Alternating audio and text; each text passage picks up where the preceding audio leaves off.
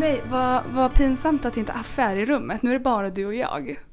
Du menar att det liksom känns tryggt att vi har, alltså att Affe skapar ett tryggt rum? Tänker du? Han gör vi- verkligen det. Ja, det Han han. är liksom en, en närvaro. Han är som en maskot. Ja, men det, han är bäst. Men idag är det nämligen så här att vi sitter här helt själva och poddar utan Affe. För att Affe har en liten eh, fokusgrupp på en film han har gjort bara. Eh, Nej men så alltså då- han är Mm. Konungarnas konung. Ja. Varje, varje avsnitt tänker jag på hur mycket jag älskar Affe. ja. Mm. Eh, hej och välkomna till Fantasyklubben. Med mig, Emilia. Och mig Linnea.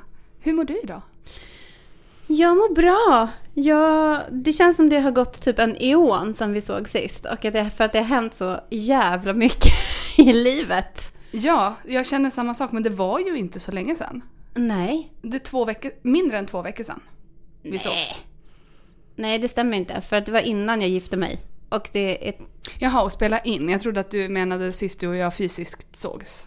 Men Men det ja, var ju mindre än två veckor sedan. Det var det. Hens allt som har hänt, så att säga. men inspelningen var i månaden sedan. Ja. Men jag vill ändå passa på att säga att jag numera är a married woman. Nej men alltså. Ja, The min, one ring är på fingret. ja, my husband has made an honorable woman out of me. And you made an honorable man out of him. I did. Alltså nu har vi ett house. Du tog honom från Strider till King of Gondor. Precis så gjorde jag. Det var precis det jag gjorde faktiskt. Ja. Jag hade sitt ett banner. Ja, nej det hade jag inte. Men, det var otroligt. Ja. Det var otroligt att vara bjuden och vara där. Och vänta, jag måste bara säga en enda sak. Vet du hur många gånger det kom fram människor till mig och sa Ursäkta, är det du som är fantasy? Eh, är det du som är fantasy? Jag bara, det är jag som är fantasy. Nej, men det, Det det, är var- du. Ja. Är det du som är fantasyklubben? Jag bara, ja. Jag Ja. och Emilia. Det var otroligt. Det var otroligt och det, det känns som att det var länge sedan nu men det är ju inte... Ja, I lördags var det två veckor sedan jag gifte mig. Det är helt sjukt. Ja, det är sjukt. Eh, så att, eh, men, men det känns som det har gått liksom en eon av tid. Alltså när jag var här sist var det liksom ett annat liv. Det var när jag var ogift. Ja. Ja, nu, nu liksom. När du fortfarande levde i synd. Så oerhört synd och hade en bastard. Det har jag i och för sig fortfarande. Men kanske att han... ha- Är det så att han kommer bli liksom unbastardifierad för att vi har gift oss? Ehm, jag vet faktiskt inte. Det kanske är så att kungen måste... Unbastard. Ja. ja. Jag måste höra av mig till Kalle. konungen. Ja. Nej men eh, för er, som, för er som inte vet det här. Och hur ska ni veta det? Därför att generellt är ju... Generellt så har ju du och jag varit väldigt hemliga typ i den här podden. Med Ja. vilka vi liksom är. Alltså Ja. inte med flit. Utan bara för att det vi pratar om när vi träffas, det är fantasy. Ja. Det handlar ju inte om oss. Nej, och vi har ju också, tycker jag i alla fall, förmedlat jättemånga sidor av oss själva genom vår fantasy-berättelse, det vi har pratat om. Så, här. så det är inte Mm. att vi liksom inte är privata eller öppna eller personliga tycker jag. Nej. Men för er som inte vet då så har jag varit ihop med min kille i goda 15 år. Mm. Eh, och nu, vi har ju en son då som snart är sju. Och eh, nu så var det dags att slå till. Eh, så det, det är inte så att jag är liksom a young untouched maiden som har fått the ring on my finger. Det, så är det ej. Utan jag är lite mer av en eh, luttrad värdshus eh, Wench. wench som äntligen har liksom gift med sig mig med värdshusvärlden. Det är romantiskt, det är underbart. Apropå det du sa om att man visar upp olika sidor i podden. Mm. Det har jag inte sagt till dig heller. men på ditt bröllop så kom din pappa fram och hälsade på mig. Mm. Och sa, ja men jag har ju lyssnat på eran podd. Och han sa, det är så underbart att lyssna på den. Och det är så spännande för att jag får ju veta saker om Emilia som jag inte visste. Mm. Och att han tyckte det var så fint. Att eh, du delar med dig på ett sånt öppet sätt. Mm. Han har faktiskt hört av sig. Alltså någon gång när han hade lyssnat så hörde han liksom av sig att han var så himla liksom berörd. Och Ja. Det var väldigt, väldigt fint faktiskt. Det är så fint. Men det här är ju, podden är ju... Alltså, jag vill säga liksom... Eh, ja, men tack för att vi har fått så fina reaktioner på vårt incestavsnitt. Mm. Det var ju lite nervöst. Alltså jag sätt. är ju en väldigt nervös person. Mm. Jag, ja. Jag bara, mm. Ja, jag bara, inte sant. Ja, men jag bara, Emilia jag är lite nervös inför det här avsnittet. Mm. Tänk, om det, tänk om man är okänslig eller Mm. säger knäppa saker. Mm. För att man går också in i det och bara kör på. Men det som jag tyckte var intressant var att dels att det har tagits emot väldigt, väldigt väl. Men dels också att det togs emot precis på det sättet som... Eh, alltså varför behovet att prata om det här finns. Det var ju någon som skrev så himla fint att så här, varför man kan se på de här typen av relationer på ett annat sätt än hur man ser på incest i verkligheten är ju för att det är fiktion. Mm. Och det är ju liksom lite det vi är inne på i samtalet är att så här, det, här, det, det är så långt ifrån verkligheten. Mm. Eh, så det, det blir som ett liksom safe space att tolka de här mörka sakerna. Eh, och att därför så kanske man också tillåter sig själv att liksom eh, heja på eh, Rhaenyra och Damon. Eller liksom för att man, men att det var så skönt tycker jag att folk tog eh, exemplen ur podden och också liksom, ja jag hejade på Rhaenyra och Damon typ. Jag har inte ens tänkt på de här sakerna. Eller liksom att man tolkade det liksom det rätt på något vis och använde det själv för att prata vidare. Ja. Det tycker jag var jättespännande. Och jag älskar när ni kommer med kunskaper som inte vi har. Nej men alltså det här med gotiken, snälla. Alltså. Det börjar... Och det har varit, alltså på vår Discord har det varit så härliga samtal på sistone. Har det? Den liksom, den ligger och puttrar. Men Ja. ibland så bara... Ja, men ibland går jag in och kollar och då får jag ju sån claim to fame. Alltså jag känner ju, alltså, nej men jag får ju så här nästan, alltså jag blir så här, gud jag kan inte förstå att, eh, att det här finns. Nej men Alltså, jag blir bara, alltså jag, när jag var 17 så hängde jag på Harry Potter-forum. Mm. Och det var liksom living the dream för Mm. mig som 17-åring. Att man satt där med alla sina kompisar och skrev och bara, gud, eh, folk behöver eh, rum och prata om saker. Mm. Vi har ju också fått ett otroligt meddelande idag. Ja. Mm, som jag ändå skulle vilja på något sätt bara säga något kort om. Mm. Och jag tänker att vi kommer ju beröra det också lite i dagens avsnitt och i kommande avsnitt. Mm. Men det handlar just om att den här podden är liksom en, en podd av två kvinnor. Ja. Eh, som är liksom nördig. Ja, den som har skrivit meddelandet tyckte att det var så fint att vi, att vi finns och att, en, att vi tar den platsen för att den här platsen annars är en manlig plats. Mm. Och eh, jag blev så himla glad och berörd för att jag känner ju nästan att det... Alltså på något sätt så var ju inte det syftet med podden från början. Nej. För att syftet med podden var ju bara att uppfylla ens egen otroliga liksom urge, behov, need, lust att prata om det här. Mm. Men att det liksom blir ju någon sorts definition av nördigheten. Mm. Att så här, för mig som kvinna har ju aldrig varit bekväm med den nördrollen. Det här har vi pratat om förut och du har ju varit lite mer bekväm med det. Liksom. Men Mm. Ja. för mig har ju det varit helt liksom, så långt ifrån vad jag har tillåtit mig själv. Mm. Men att en stor positiv sak med den här podden är ju precis det. Mm. Att det är liksom en, ett kvinnligt nördigt perspektiv. Mm. Utan att för den skulle finnas till bara för det. Nej, Det finns till för att, för att det är vårt. det är vårt, det är kul, det är för alla. Mm. Men just meddelandet och det det kunde liksom representera för den personen som skrev meddelandet. Det Jag tänker bara, att vi ska lägga upp meddelandet så ni får läsa det sen. Det kommer vi absolut Instagram göra. och så får vi prata vidare om det. Mm. Men idag så har vi ett tema på vårt avsnitt. Vi har ett tema. Vi gjorde lite frågelådor. Yes! Äntligen! Vi bara, ja men vi har gjort rätt mycket avsnitt som har varit så här, alltså rätt mastiga teman. Och att Ja, nu och att det har varit liksom, nu ska vi ha Name of the Wind, nu ska vi ha det. Alltså vi har haft verkligen så här fasta ämnen typ. Mm. Mm. Och nu tänkte vi, fan, lite fråg, frågelåda. Ja.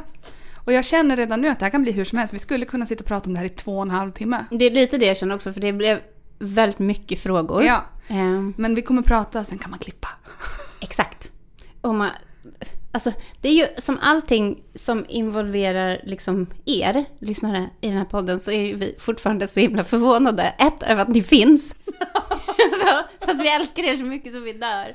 Men vi är så liksom tagna på sängen egentligen över att ni finns. Och att ni typ är så många. Och när vi hade den här frågelådan fick vi jättemånga frågor. Mm. Ja, nu blev det väldigt skrytigt här. Men då förstår ni varför det här kommer bli ett två och en halv timme långt avsnitt. Svarar jag. Okej Linnea, du kommer att vara liksom lite frågeciceron på den här resan. Så Ja. du, eh, det är bara take it away. Jag har ju en talang för att sammanställa känner jag. Ja, verkligen. Det, det, det kan jag, det är en sak jag kan. Eh, Så det har jag gjort. Och eh, du har förberett dig på några, du har sett frågorna. ja Men några sen- stycken i alla fall. Men sen är det några hemliga, vi har fått in några wed bed behead. Två stycken. Ja. De har du inte fått se för att du ska Nej. få bli tagen på sängen. Jag har sett dem och jag har suttit hemma i ångest och bara, "Nej, men gud jag kan, det här går det inte. går inte. Ja. Men vi börjar med Mm. en, en fråga som kom in lite i olika form. Ja. Ehm, Just, det finns lite olika kategorier frågor kan jag tänka mig. Ja, Mm. ish. Men jag vill också försöka mix it up lite grann. Men, men den första, alltså det är ehm, många som har varit sådär att de vill börja läsa fantasy. Ja. Men inte vet var man ska börja. Mm. Ehm, just som, en, som vuxen. Mm. Eh, och både böcker och tv eller film. Mm. Eh, sen var det någon som sa att de gillar stämningen i fantasy men orkar sällan sätta sig in i det stora världsbyggandet som ofta förekommer. Mm. Och en sa också specifikt vad ska jag läsa som nybörjare som inte är för jobbigt men inte är Harry Potter. Mm. Så jag tänkte vi kan baka ihop dem i en Mm. eh, fråga. Och alltså det här med världsbyggandet, det var väldigt ett rimligt statement att det är ju rätt jobbigt. Ja, eh, alltså när jag läste de här frågorna så kände jag liksom lite tvärtom. Jag kände så här att fantasy är ju väldigt ofta Mm. ett världsbygge. Och jag Ja. tror egentligen inte att det handlar så mycket om att man inte liksom gillar själva världsbygget. Mm. Jag tror att det handlar om att man inte har läst rätt bok då. Mm. För att liksom världsbygget och kanske till och med språket eller religionen eller liksom mytologin i den världen eller vad man nu liksom har. Mm. Det hör ju oftast till på något vis. Mm. Eh, och jag tycker egentligen att det är lite som ibland frågar mig så här, vad, folk mig så här, vad ska jag läsa för fantasy om jag är liksom en nybörjare? Mm. Och jag vill säga liksom att Alltså när man pratar om high fantasy, alltså klassisk fantasy, så finns det ju ingen nybörjar-fantasy. Mm. Utan det man kan prata om tycker jag i sådana fall är att man kan dela, man kan dela upp det i lite olika kategorier. Till exempel ungdomsfantasy. Mm. Skulle ju kunna vara till exempel en ingång Mm. till fantasy. Om man inte vill sätta sig liksom och läsa ett helt jätte, liksom... Sju böcker. Ja, precis. Men egentligen så tycker inte jag heller liksom... Är man en vuxen människa och inte en ungdom och generellt inte tycker om ungdomsböcker. Tycker man om ungdomsböcker, då är det ju bara att kasta sig in liksom. Då kan man ju ta den här, vet du den, eh, A Court of Roses. Eller, alltså då kan man ju läsa liksom... Alltså den, för den hade jag, jag har ju inte läst The Court of Thorn and Roses Nej. men jag vet att den är så himla populär. Eh, och den är ju ett den är jättepoppis nu. Den är också en, jag gillar ju inte det så mycket, det är ju så här mycket romance fantasy. Exakt, och jag gillar inte heller det så mycket. Och det kan ju vara kanske underbart. Då har man någonting mer att hänga upp sin upplevelse på. Ja. Om man gillar romance. Men jag skulle säga att generellt att liksom vill man läsa fantasy eh, och, och alltså jag tror för det första inte att man ska hänga upp sig själv på så här, jag gillar inte världsbygget eller liksom, utan jag tror att man ska läsa en bra och välskriven bok. Jag känner ju generellt kanske att jag inte är så bevandrad just i till exempel ungdomsfantasy. Inte liksom jättemycket för att Nej. jag har inte läst ungdomsfantasy när jag var ung. Jag läste high fantasy. Mm. Men alltså en bok som jag ändå kan, liksom, eller som vi har sagt förut, som Mm. är en väldigt bra liksom, ingång i att läsa fantasy. Som, det är inte fantasy, det är mytologi, men det är Kirke. Mm. Eh, Strålande förslag. Madeleine Millers. Har jag, jag har inte ens tänkt på den men det är ju strålande. För den är ju liksom... Det, det som är med den är ju att den har ju också en värld. Det, är ju, alltså mytolo- det mytologiska är ju också ett världsbygge. Mm. Eh, men, och det är ju verkligen en saga. Men den har ju också ett otroligt liksom, starkt kvinnoöde och en eh, jätteintressant eh, protagonist. Mm. Eh, plus att den då också liksom kommenterar Odysseen. Så tycker man Mm. att liksom, mytologi generellt är intressant så är den väldigt fin för att den tar liksom upp Odysseen men från ett helt annat perspektiv. Mm. Den påminner inte om någonting annat man har läst. Nej. Men den är underbar. Underbar. Så jag skulle liksom... Jag skulle säga att om man ska läsa fantasy och man inte vet var man ska börja, då ska man läsa välskriven fantasy. Mm. Jag har också tänkt att man skulle kunna läsa Earthsea av Ursula K. Le Guin. Mm. För det är ju också liksom en otroligt välskrivet. Mm. Eh, och liksom vackert. Man behöver inte läsa alla böcker. Nej. Man kan börja med en. Mm. Men det tror jag liksom är... Ja, det känns som en... Det är inte heller liksom enormt världsbygge. Det är inte Tolkien. Nej, och liksom. det är inte tegelstenar heller. Nej, och- utan det är ju verkligen liksom roma, överkomliga romaner Mm. att läsa. Eh, sen har jag också tagit med American Gods, Mm. Neil Gaiman. Mm. Den är ju också egentligen liksom inte alls klassisk fantasy. Nej. Men folk verkar verkligen älska den. Mm. Och eh, där är det väl också en tv-serie, för det var också någon som frågade om tv-serier, vad man ska Mm. titta på. Och Mm. det är ju också en serie som man verkligen kan Ta sig an. Ja, den verkar liksom oerhört fin. Jag har inte sett serien. Eh, men också då om man ska fortsätta på serietemat så tycker jag också att är man inte liksom helt inne på fantasy men ändå gillar det här lite sagoaktiga då tycker jag ändå Shadow and Bone. Mm. För den är inte liksom, det är inte high fantasy på det viset utan Nej. det är ju liksom lite mer steampunk, lite kul, lite liksom, ja, det är lite fartigt. Mm. Så att jag skulle nog börja där någonstans. Mm. Eh, det jag skulle säga att man inte ska göra. Alltså jag skulle säga så här, man kan börja nästan egentligen var som helst. Mm. Men det man inte ska göra är ju ta någonting som är alldeles för svårt. Nej. Eh, Som jag när jag var 12 och bara nu ska jag läsa alla Sagan om ringen. Och Ja. bara, jag fattade inte ett ord. Men jag... Men man behöver inte börja med Silmarillion, liksom. Det behöver man inte. Men jag plockade ju till exempel upp en bok som heter Gardens of the Moon. Mm. Eh, av en man som heter Steven Erickson, tror jag. Mm.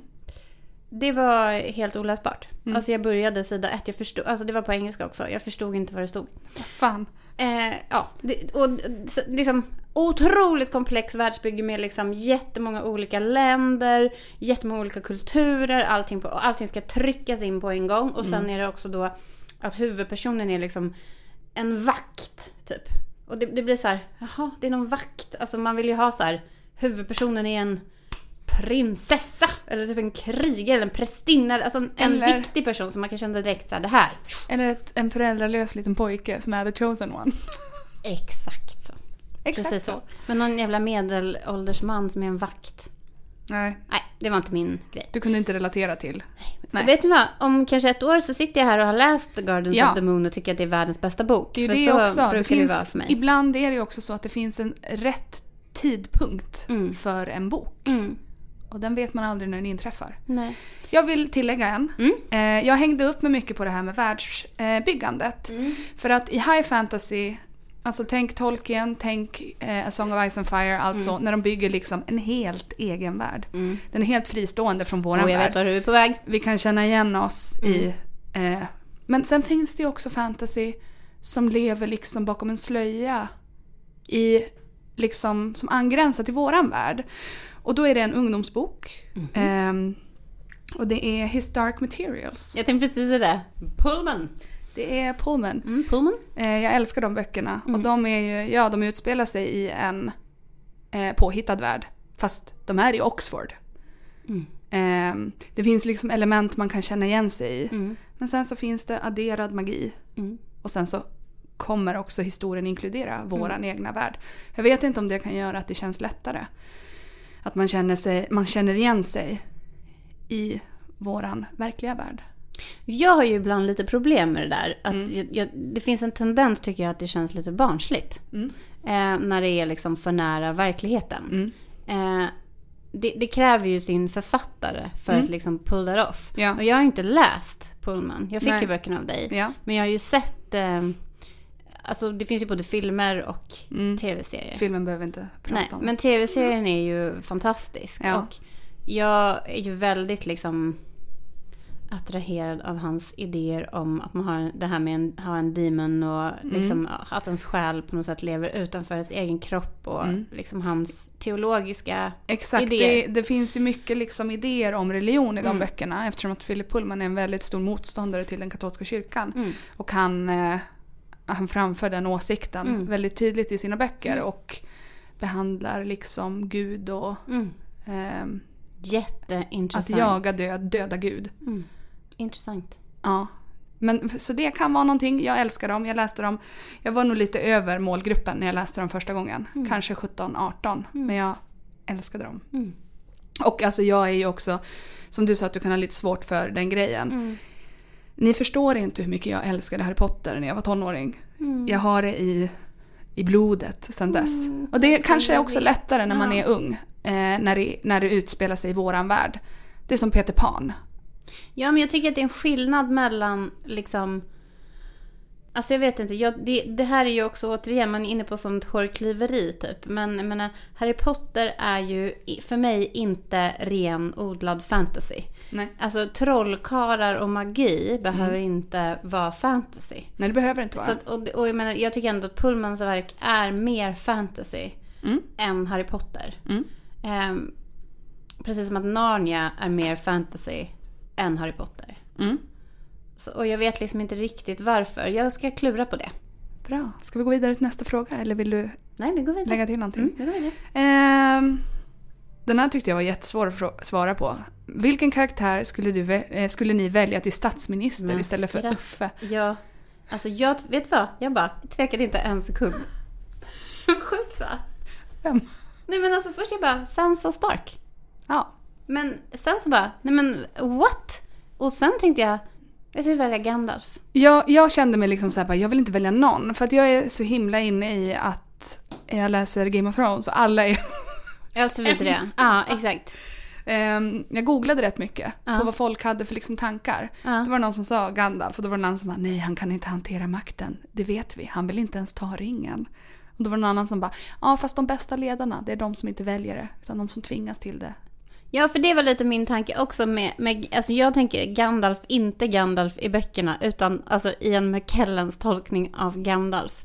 Med hans Ja. liksom snälla ögon Ja. och hans liksom så här, men ändå att han är så liksom, du vet att jag hatar att säga så här mänsklig i relation till Tolkien, för jag tycker inte det behöver vara så mänskligt. Nej. Men han är, jag ska inte säga att han är mänsklig, men han är väldigt kärleksfull och väldigt liksom, på, ändå på något sätt faderlig. Mm. Men han är också typ busig. Alltså att han är faderlig fast ofrivilligt faderlig. Är han morfaderlig? Ja men är morfaderlig men liksom att han är ju inte en morfar. Nej. Och alltså om Gandalf var statsminister, Mm. då skulle han vara en barnlös statsminister. Ja och han skulle också framför allt rida på alla sina små besök på Shadowfax. Och det, bara det tycker jag är ett underlag. Alltså för en vi- unproblematic statsminister. Här och nu. jag skriver under på Gandalf. Ja. Jag, jag, det, det är någonting med honom liksom som berör mig så otroligt mycket. Och det är ju tack vare Ian McKellens liksom tolkning. Ja, men- Han är så ljuvlig. Jag- Så att, jag kollade på alla filmerna i helgen och det är liksom bara så här, jag bara, du är så untoxic och ja. otrolig. Jag skulle typ eventuellt vilja välja Ian McKellen till statsminister. Ja, för att han är Gandalf. Ja, för att han är så ljuvlig. Jag såg något klipp med honom när han pratar om... Taxichaufförerna i Manchester. Han pratar om att, eh, visst var det Manchester? Ja, men- Att när han kommer hem så Mm. i, sätter sig en taxi, eh, taxi och taxichauffören är en medelålders man som säger typ “Where are you going love?” Ja. Och han börjar gråta för han säger “Var Ja. någonstans säger vuxna män love Ja. till varandra?” Nej, det, och han börjar gråta i det där klippet. Och jag såg någon annat klipp på honom också när han pratar med han från The Office. Vad heter han? Eh, Gervais. Ricky. Ricky Gervais. Ja, Mm. han intervjuar honom om hans method, act, alltså om hans acting. Han säger att han simply pretends to be wizard. Alltså det är så ljuvligt. Alltså Han ljuvligt. behöver inte ens låtsas för att han är. Ja, han bara Sir Ian McKellen, Sir Ian McKellen, Sir Ian McKellen. Ja, men också, känna på Sir Ian McKellen, Sir Ian McKellen. Alltså det är så jävla bra. han är underbar. Och bara han och Ja. eh, Patrick Stewart. Att de är bästisar. Och att de gick på en premiär en gång och båda hade på sig hattar. Alltså va? Ja, nej men Ja. Mm. Det, det har ju något. Så jag, vi, jag, alltså så ooriginellt som det may be, en vit äldre man vill jag ha istället för Ulf Kristersson. En vit, vit trollkarl. Ja, en vit trollkarl. White. Jag tror fan att det är det vi behöver Ja. nu. Jag skriver under på det rakt av. Vi, vi broderar inte ut. Jag gillar också att du först av allt sa Sansa Stark. För att, Ja, Jag såg bara henne framför mig med hennes nycklar, eller hennes den här kedjan och liksom och bara Ja. tänkte bara jajamän. jag tror Men hon... jag skulle kunna tänka mig att alltså, i, i, alltså, Ian McKellen slash Gandalf som statsminister, Sansa Stark som miljöminister istället för Romina. För hon tar... Hon är från the North. Så hon tar klimathotet på allvar. Nej men skoja inte. Mm. Hon bara, nu jävlar ska vi se till att preserve glaciärerna, allting. Ja, Hon bara the North remembers. The others är ju klimathotet. Så att det, hon vet exakt vad det handlar om. Nu går vi vidare, det här var det bästa jag hört. Mm. Sätter vi punkt. Ja. Eh, vilka är våra värsta karaktärer i Wheel of Time? Och jag kan Mm. börja och säga att jag har inte läst så långt i böckerna. Så jag har inte kunnat bilda mig en uppfattning i böckerna. Nej. Och i serien, jag vet inte, jag känner inte så starkt för någon av karaktärerna. Jag känner mera att jag gillar vissa karaktärer. Ja, precis. Men, och så känner jag också att jag har stört mig otroligt mycket på Nynaeve. För att hon är en så här äh, riktigt tjurig, sur karaktär. Och det är fan det värsta jag vet. Mm. Det är så jobbigt. Och hon är ju det här som vi pratade om, liksom en sån kvinnlig karaktär som känns som de bara får göra så stupid choices hela Ja. tiden. Bara, varför gör du alla de här stupid choices? Sen känner jag också att under säsong två har min uppfattning av henne förändrats. Men ehm, det, ja. Jag hatar henne inte. Men tycker hon var lite dryg. Jag tyckte nog tvärtom. Jag tyckte hon var, mm, att min uppfattning om henne förändrades väldigt mycket i första säsongen. Eh, liksom från att jag tyckte att hon var väldigt sur tills att jag tyckte att hon var väldigt härlig. Men nu i säsong två så har det liksom gått tillbaka till att hon är så jävla e- e- enkelspårig och trist. Det är som att de kan sätta henne liksom... Alltså det, hon, blir så, hon är så lätt manipulerad. För hon är så single-minded liksom. Och osäker. Nej, ja, alltså jag- liksom att eh, de, hon säger ju det också, den här uh, The Daughter Air, i typ sista avsnittet, den här sista avsnittet, någon säger så här, nu har vi provat ditt sätt.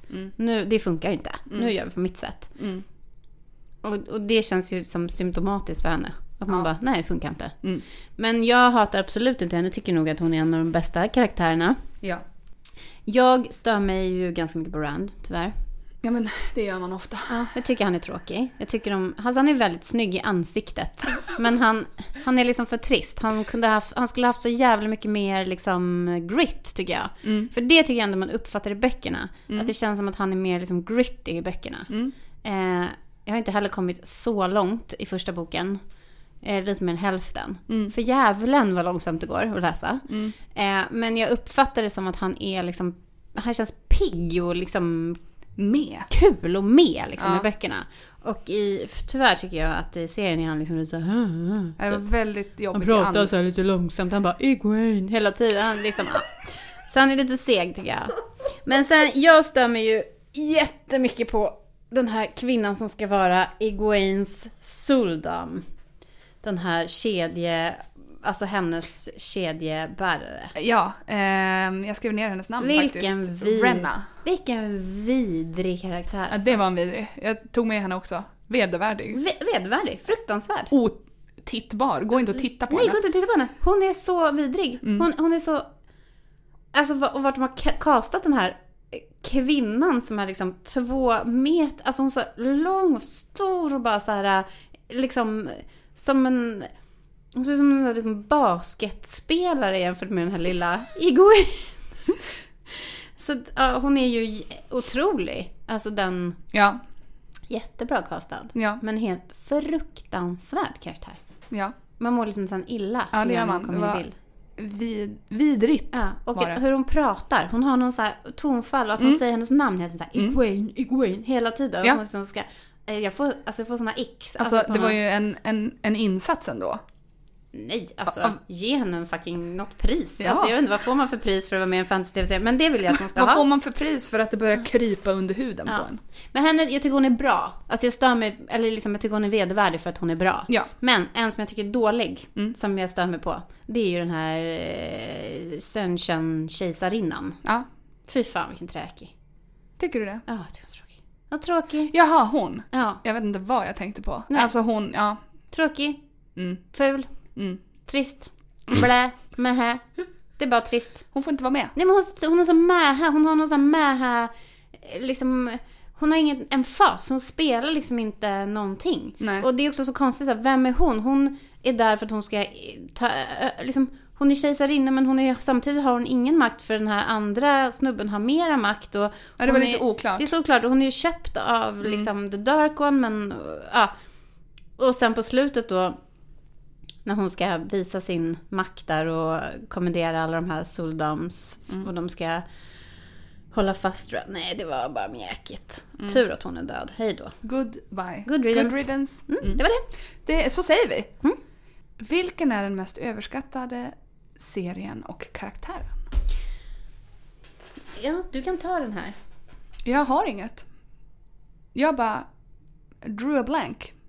Nej, men jag drog ingen blank, men, men jag tyckte att det var, det som jag tycker är svårt med den här frågan är ju, för att jag började tänka så här, det är inte som att det finns liksom två miljoner serier, Nej. två miljoner fantasy-serier som är så här jätte, jättebra och superpris, alltså att en överskattad serie är ju en serie som, som liksom har fått jättemycket cred och liksom uppmärksamhet och berömmelse, fast som vi då, du och jag, eller liksom tycker inte är så bra i relation till kanske boken eller någon annan serie eller så här. Alltså, jag försökte tänka tillbaka på så här, alltså när jag växte upp, det som fanns i fantasyväg som jag tittade på liksom då var ju Star Wars, Willow, eh, den här eh, Labyrinth med David Bowie, alltså det vad heter den här, den svarta diamant eller magiska diamant, alltså oändliga historien, alltså det fanns ju inga tv, liksom Nej. magiska fantasy-tv-serier som man liksom älskade men som man egentligen kanske är grymt överskattade typ. Nej, och när jag tänker på en se- tv-serie, fantasy, som har blivit superhyllad, då är det ju Game of Thrones jag Mm. Exakt. tänker på. Och den är inte överskattad. De två sista säsongerna är jättedåliga, men jag tycker inte att den är överskattad. Nej, för det var det jag tänkte också så här. Okej, då, då är ju Game of Thrones. Och i relation till den så skulle jag också säga så här, nej den är verkligen inte överskattad. Eh, då kanske jag skulle säga House of the Dragon, kanske överskattad. I, Per liksom- association liksom. Ja, exakt. Men jag tycker inte heller att den är det, för jag tycker faktiskt att den... Den går inte att jämföra med GOT, men den har fortfarande Den kan stå för sig själv. Ja, en Ja. väldigt stor kvalitet. Så det som jag tycker är problem med den här frågan blir ju också som att det är som att ta liksom alla serier som har kommit nu de senaste liksom tre, fyra åren och bunta ihop dem och säga okej vilken av det här. Och det är väl en, det är Rings of Power. Det den är överskattad för att den är överproducerad. Alltså de har spenderat så otroligt mycket pengar på helt fel sak. Och den karaktären i Rings of Power som är den tråkigaste av alla karaktärer det är The Stranger. Snark. Så. Ja. Ehm, karaktärer. Jag vet inte, ibland tycker jag typ att Tyrion blir överskattad. Ja, det tycker jag också. Mm. Det var det jag ville säga. Ja. Eller han är en jättebra karaktär, han är supervidrig i böckerna. Han är lite vidrig i serien också. Ja, men han är vidrig i böckerna. Och så sen så... De Men I förstör böckerna ju tycker inte jag att han... Alltså han är inte överskattad i böckerna, han är Nej. överskattad i serien. i serien. Ja, exakt. Ehm, för att han kan vara... Alltså jag gillar honom. Sen, de förstör ju hans karaktär på en helt jävla astronomisk nivå i de sista säsongerna. Mm. Synd för honom. Men Men också i böckerna så är ju de här eh, kapitlen när han är ute och åker med Varys och bara super... Eh, och, och är ute och letar efter Golden Company. Det är ju de tråkigaste kapitlen. det är så De kan man bara hoppa över. snark. Ja, snack. Bra. Eh, vi sätter punkt där. Nej. Har du någon favorit inom svensk fantasy? Alltså vet du, jag blev så himla glad över den frågan. Mm. Och sen började jag tänka. Eh, och då tänkte jag så här.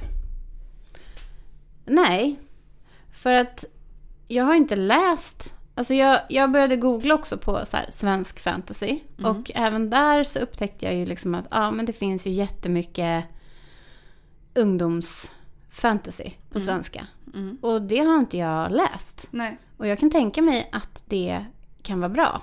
Och att om man, verkligen, alltså, om man är i rätt målgrupp Mm. så tror jag att man skulle liksom älska det.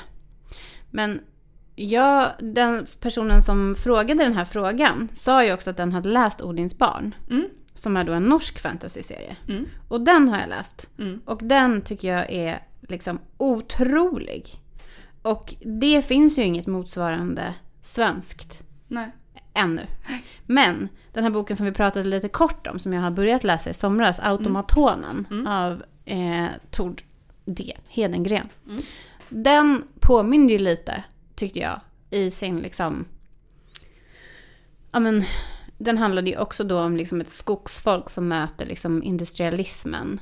Och det gör ju den här Odins barn också, fast på ett annat sätt. Där är det också precis som du är inne på, det här, den går mellan två världar. Alltså Ja. som är liksom en magisk värld och en vår vanliga värld. Men i Automatonen så är ju det här liksom en egen värld. Men, eh, och jag gissar att den boken ska bli en serie. Eh, och att den kanske då liksom på något sätt kan komma upp till liksom den här, Ja. att det kan påminna om det. Ja. Eh, så jag skulle ändå säga att man, att man ska läsa. Jag har inte läst klart den för att jag har ju så jävla liksom, röven full med en miljon Ja. böcker. Så att, men jag ska absolut göra det för jag tycker att den var både välskriven och spännande. Så det, det tycker jag att man kan börja med. Men sen började jag tänka på vad jag har läst när jag var yngre. Och då liksom fastnade jag lite i att så här, ja, men jag läste väldigt mycket magisk realism när jag var yngre. Men det som jag har läst är både finskt och danskt. ja. Så det blir inga. Så det är liksom, eh, jag läste en helt otrolig roman när jag var i tonåren som handlar om en man som är på väg hem eh, i typ Helsingfors någonstans tror jag. Och på vägen hem så hittar han ett troll. Mm. Och då tar han med sig det här trollet hem. Och det är inte alls en barnbok, det är liksom en, verkligen en vuxenbok. För det handlar om att det här trollet liksom, det är som en liten liksom djurisk varelse. Det är liksom inte trollet, liksom John Bauer-troll, utan det är liksom en liten, liksom som, nästan som en litet djur, typ som bara liksom eh, skruffar omkring hemma hos honom liksom. Men det här trollet utsöndrar någon typ av liksom eh, lukt eller hormon eller liksom någonting som gör att han blir liksom jätteattraherad av det här trollet. Alltså så att, Är det inte, finns inte den här filmatiserad? Jag känner igen det på något sätt. jo, det kanske den gör. Alltså den heter Bara sedan solen sjunkit. Ja. Och den är skriven av en kvinna som heter Johanna Sinisalo. Mm. Eh, och jag kommer ihåg att när jag läste den, alltså det är en sån bok som jag liksom aldrig har kunnat glömma. Nej. Även om jag tyckte att den var liksom både märklig och obehaglig när jag Mm. läste den. Så var den ändå, den påminner inte om någonting annat som jag har läst. Nej. Eh, jag tror att det kanske har blivit Det filmatiserat. finns någon liksom nordeuropeisk trollfilm i alla fall. Ja, inte det, kan ju- Gräns som du tänker på? Det är det nog. Ja, det, det är något helt annat. Mm. Men den har ju också någon sån episk trollsex-scen tydligen. Oj. Jag har inte sett den, men det, det ska jag göra. Ja. Men sen har jag också läst en bok när jag var yngre som jag också blev helt besatt av. Och det är en bok som heter Silke, en förvandlingshistoria. Mm. Och det handlar om en flicka som... Eh, alltså det är en sån jättekort liten bok.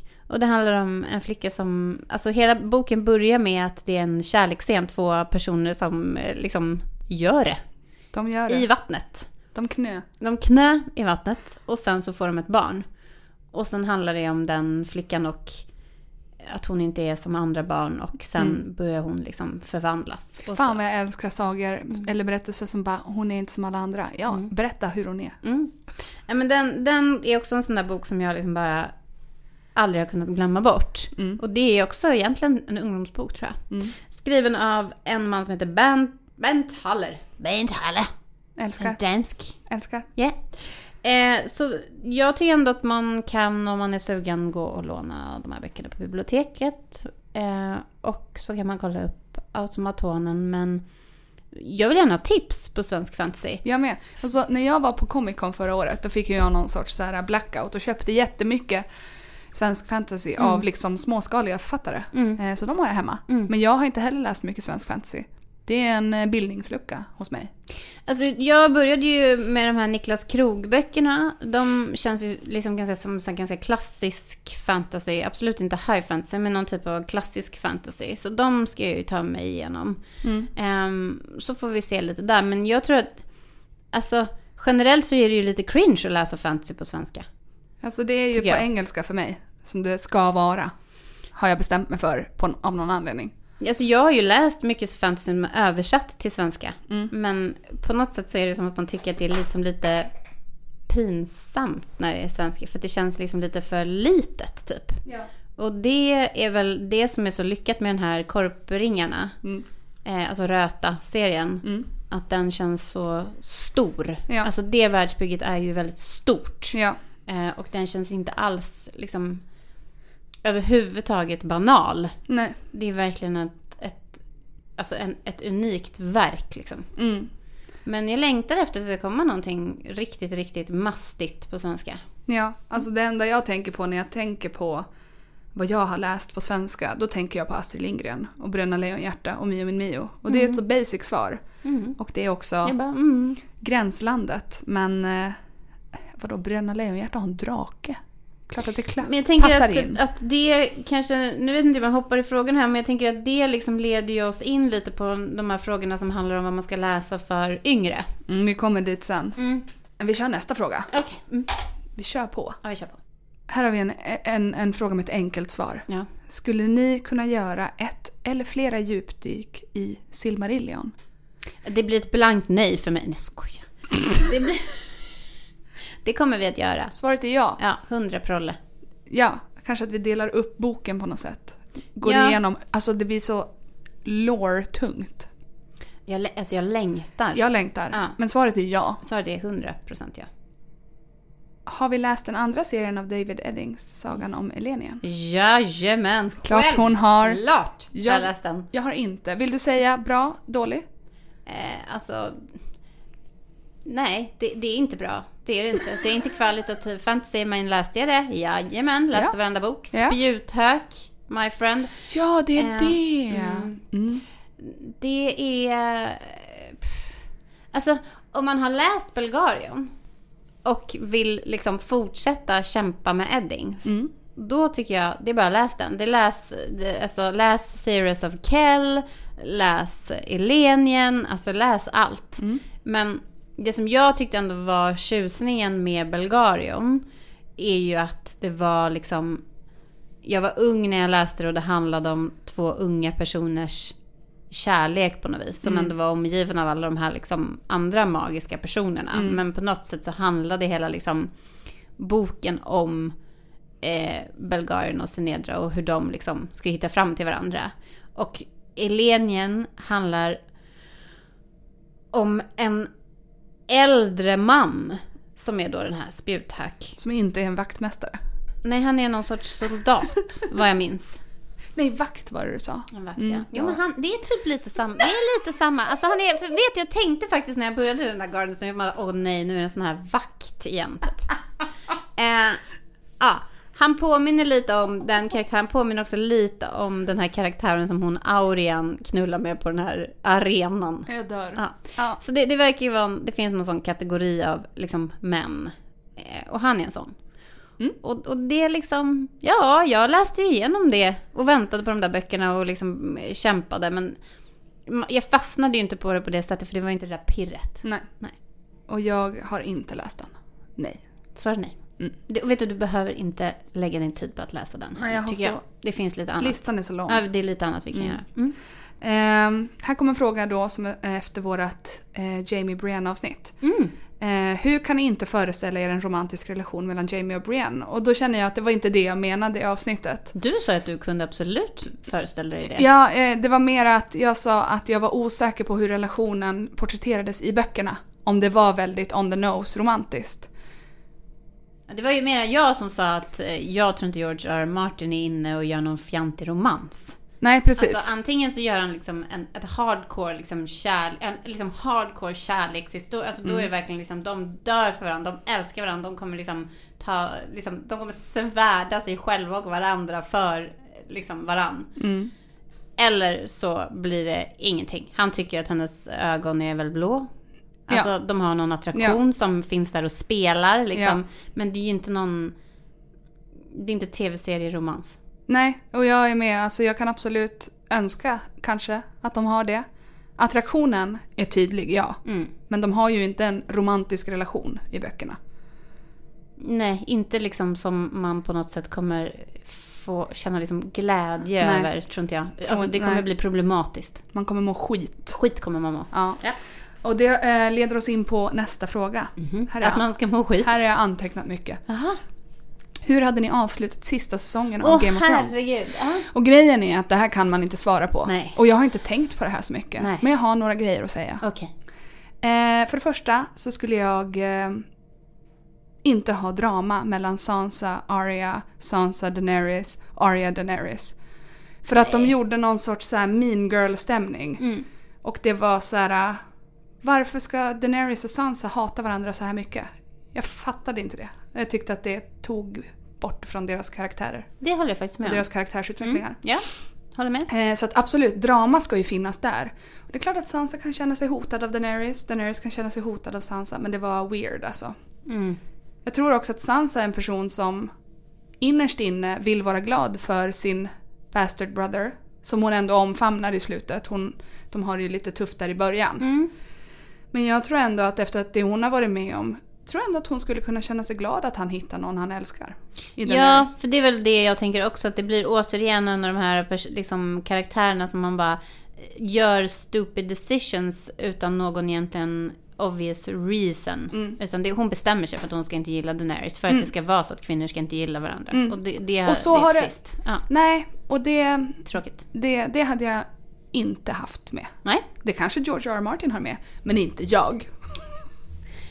here here. Mm. Sen så har vi ju, alltså Daenerys blir ju galen i serien.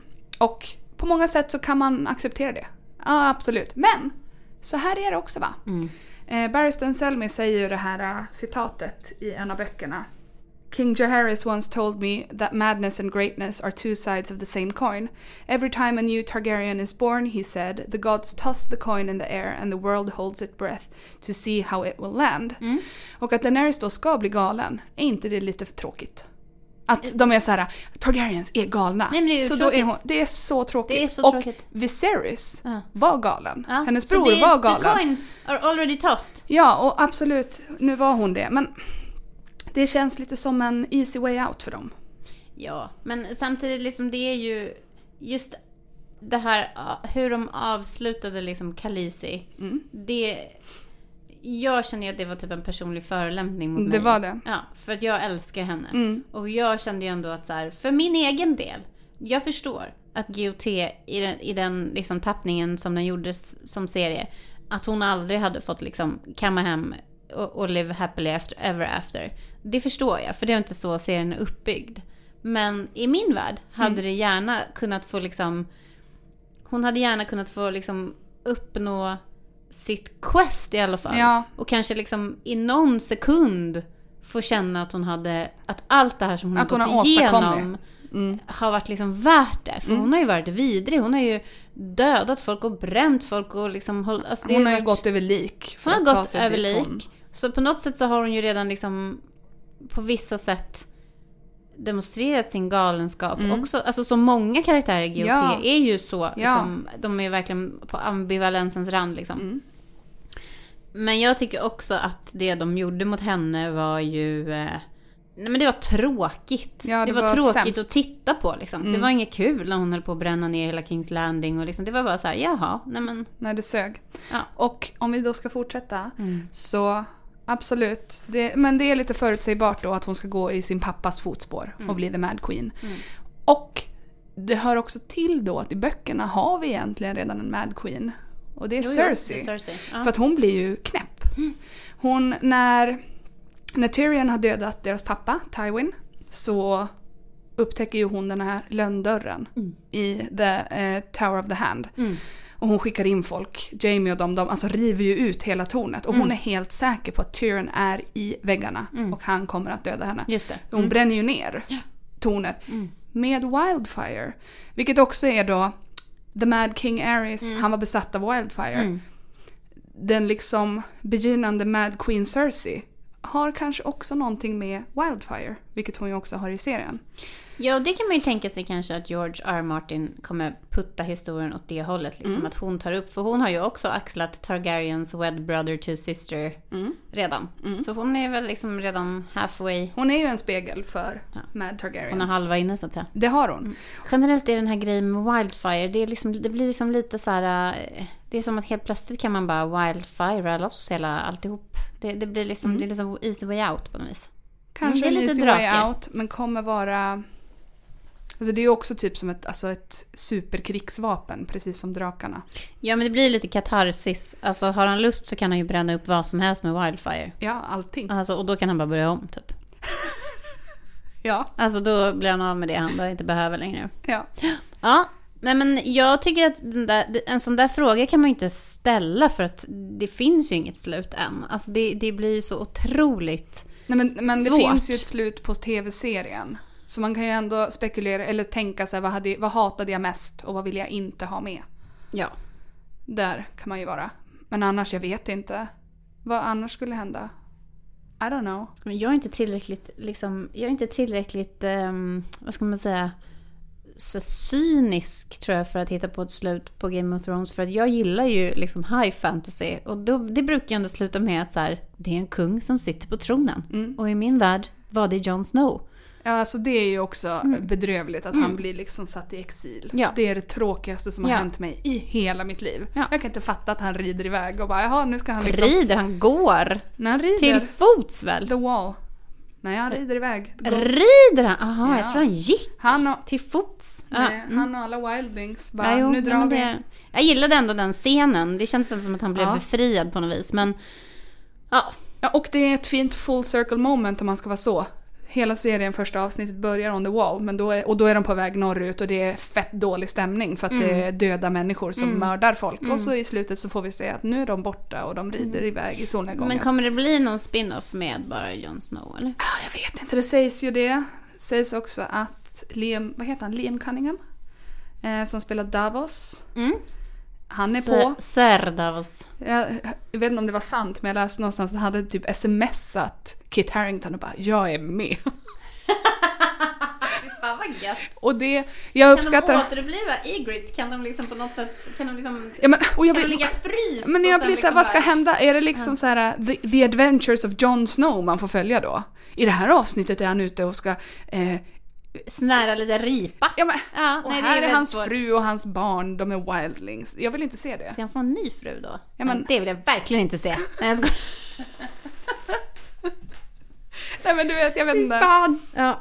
Eh, ja. Ja, svår, jättesvår fråga. Men du svarade ju som en konung på detta. Lite, lite grann. Jag har också lyssnat på en podd eh, där de hade det kan, alltså den podden kanske var tio avsnitt och de hade, det var en, som en, en teater. Eh, där de hade gjort ett helt eget slut på tv-serien. Wow. Och jag gillade inte det slutet. Okej. Jag kommer inte ens ihåg det. Men jag gillade det inte. Vad sa du? Det är det vi ska göra nästa gång, när vi ska spela upp. Jag vill vara Jon Snow. Är du Sir när, Davos då? när ska vi få göra lite radioteater? Ja, vi kan göra det här. Vi kan bestämma själva. Det gör vi nästa gång. Nästa fråga. Prata the merge of sci- sci-fi fantasy och vad skillnaden är. Jag vet inte riktigt vad mergen, vad det betyder. Jo, men jag, jag tänker att det är typ eh, Jemisin.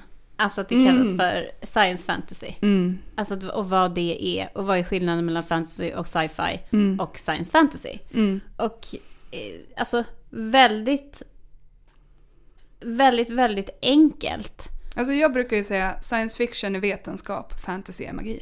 Ja. Jurassic Park är science fiction. Det tar sitt avstamp i någonting vetenskapligt som kloning, men sen är det urvrickat. Ja, Star Trek är, sci- Mm. alltså är science fiction. Star Wars är space fantasy. Mm. Alltså det, det är liksom olika, men det, alltså jag tycker inte att det finns jättemånga jättetydliga exempel på science fantasy. Men Nora K. Jemisin, hon liksom säger ju själv att det är hennes genre som hon skriver i. Och har ju liksom själv eh, valt det ordet på något vis. Och det är väl för att liksom, hon pratar ju om någon typ av liksom magi som kommer från eh, någon typ av liksom, men det finns i Mm. den faktiska fysiska liksom, fusionen i jorden. Liksom. Mm. Det är inte magi som är liksom en, ett, ett spiritual state of mind, utan det är liksom en kraft man liksom använder sig av typ. Mm. Ehm, Jag måste bara säga nu, googlade jag science fantasy. Ja. Och då stod det, vad är ett exempel på science fantasy? Då var Star Trek ett exempel på någonting som brukar kallas för science fantasy. Det visste Ja. jag inte. Kan ni för sig förstå det lite kanske med de här olika liksom folken och att det är liksom lite klingons och det är lite vulcans och det är lite, alltså det är lite mjukare än bara sci- alltså science fiction. Mm. Det är lite mer lekfullt. Ja, alltså, och jag blir alltid, när man börjar bena i de här begreppen, eh, tycker jag alltid bara att allt går ihop. Jag bara, allt är fantasy.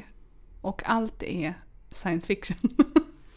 Ja, alltså liksom Dune är ju science fiction, men filmatiser alltså den nya filmatiseringen, den liksom drar ju åt någon typ av fantasy, liksom, fantasy. känsla. Men det kan också vara liksom för att man har använt sig av det här lite mer som gritty, Mm. liksom jordnära, liksom Istället för typ metall och silver. Ja, men det känns liksom, alltså vissa delar av den är liksom mera rural. Typ Ja. att man har så rural people och man är på en rural planet liksom. Men sen Verkligen bra finns poäng. det ju väldigt mycket i det som också är väldigt så här cleant och spacigt. Ja.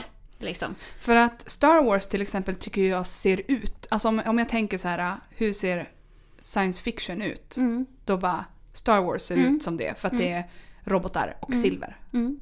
Intressant tanke med Dune.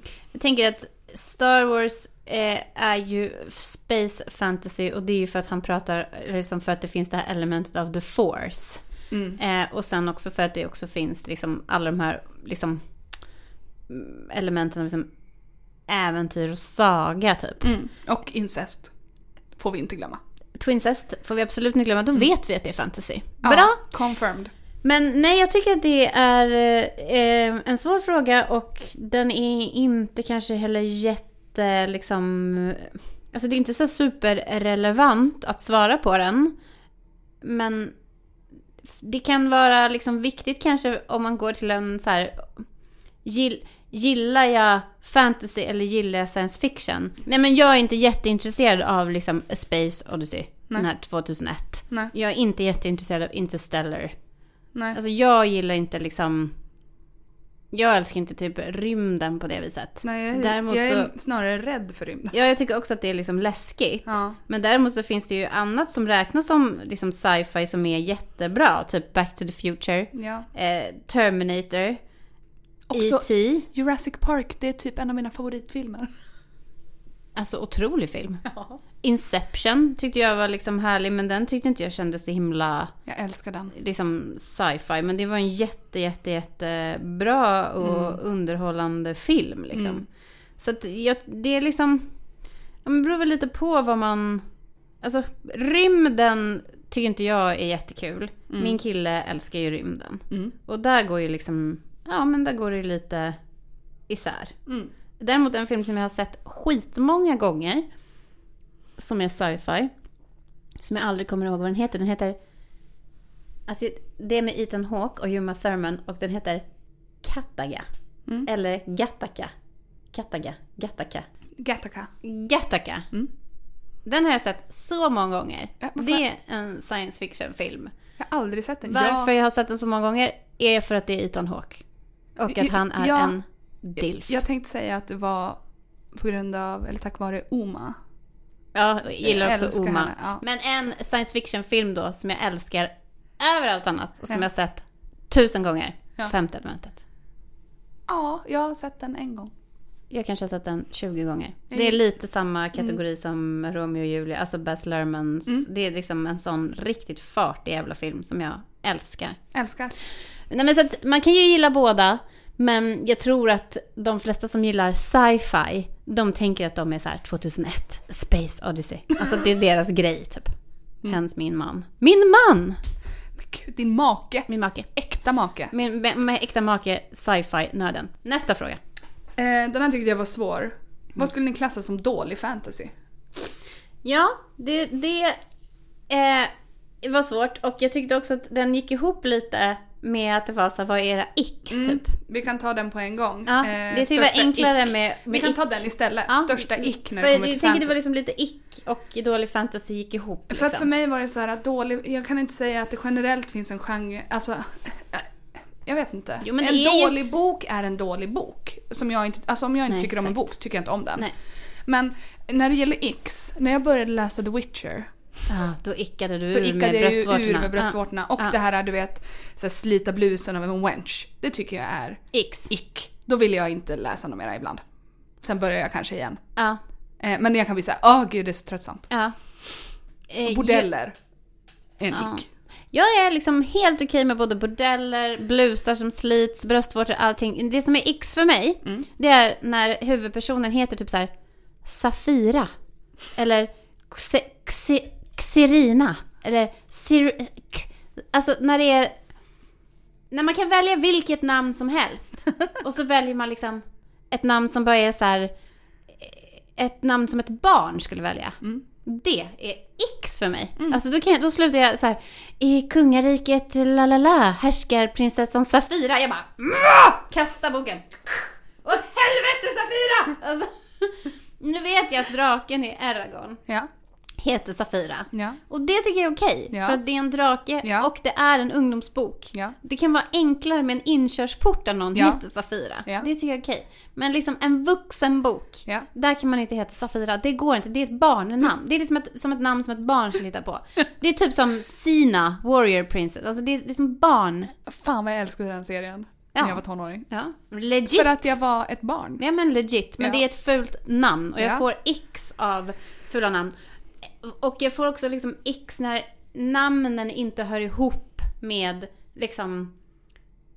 Alltså det är därför jag älskar tolken. För Ja. att allting hör ihop. Det är ett sånt liksom otroligt... Alltså så här, hans karaktärer har så jävla värdiga namn. Mm. Alla utom Tom Bomba. Det, det är ett ovärdigt namn, en ovärdig karaktär. Så det får jag x av. Nästa grej som jag får x av. Mm. Det är eh, när de gör fula öron på alverna. Mm. Och det fulaste då, det är när de gör snäckformade öron. Mm. Alltså att man har liksom en örsnibb som är rullad. Mm. Och det är för att jag får ett x av att man inte kan skilja på alver och älvor. Ja, Att man tror att en alv och en älva är samma sak. samma sak. Mm. Då blir jag galen. En till ick, när man rakar av alla polisonger på alla alver. Och det ser ut som att de ska beställa en mäklarbricka på Stureplan. Ja, Det blir ett ick. Ja, det, är, det stämmer. Ja, det stämmer. Eh, det som jag också får ett ick av, det är när allting är CGI. Alltså att man ser Ja. att det liksom bara är inspelat i en, Ja. liksom, eh, en liten låda och sen är Ja. allting utanför.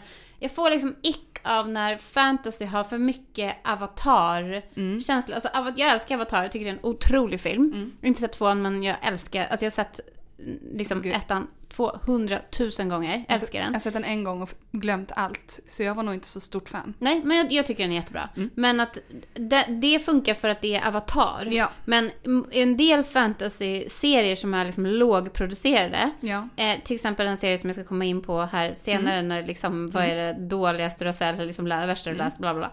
När det är liksom lågproducerat, då kan det vara liksom, alltså då är det som att det är lite så här djungligt och Mm. lila träd och liksom att det är lite som att det är en exotisk värld. Mm. Det gillar inte jag. Det, det måste vara liksom, det ska vara mörkt och det ska vara höga träd och det ska vara liksom, det är Hood jag vill ha. Det är inte någon jävla liksom Safira. Nej, CGI är verkligen en så jävla stor ick. Mm. Hej då. Jag tror ju verkligen att man, jag tycker så mycket om första Sagan om ringen-filmerna för att man också vet att de har fan byggt modeller av allt. Willow. Willow. Mm. Ja. Ja, är det X så det räcker eller? Nu, nu behöver vi tacka för idag. Ja. Ja. Här behöver vi lägga ett klipp. Ett klipp enkelt. och säga tack för idag. Ni är bäst. Vi älskar er. Det har varit så jävla roligt att svara på de här frågorna. Eh, det här avsnittet är inspelat av Afshin Tamuri och, hör och häpna, klippt av Linnea Olander. Det är jag. Jassa! Vår logga är gjord av Lisa Bänk och vårt intro är inspelat av Jakob Ljungberg. Tack för idag. Tack för idag och Namarie! Hej då. Uff! Datorn är fortfarande liv i liv! Alltså, det är Affe- otroligt, men också Affe kan sjukt. inte lämna oss en sekund. Då går Nej men liksom alltså det är så sönder. sjukt att han inte har varit här inne för det har märkts ett tomrum. Liksom annars så brukar han kunna Ja, sitta här nu och prata lite. Inget knak. Inga pruttar i stolen.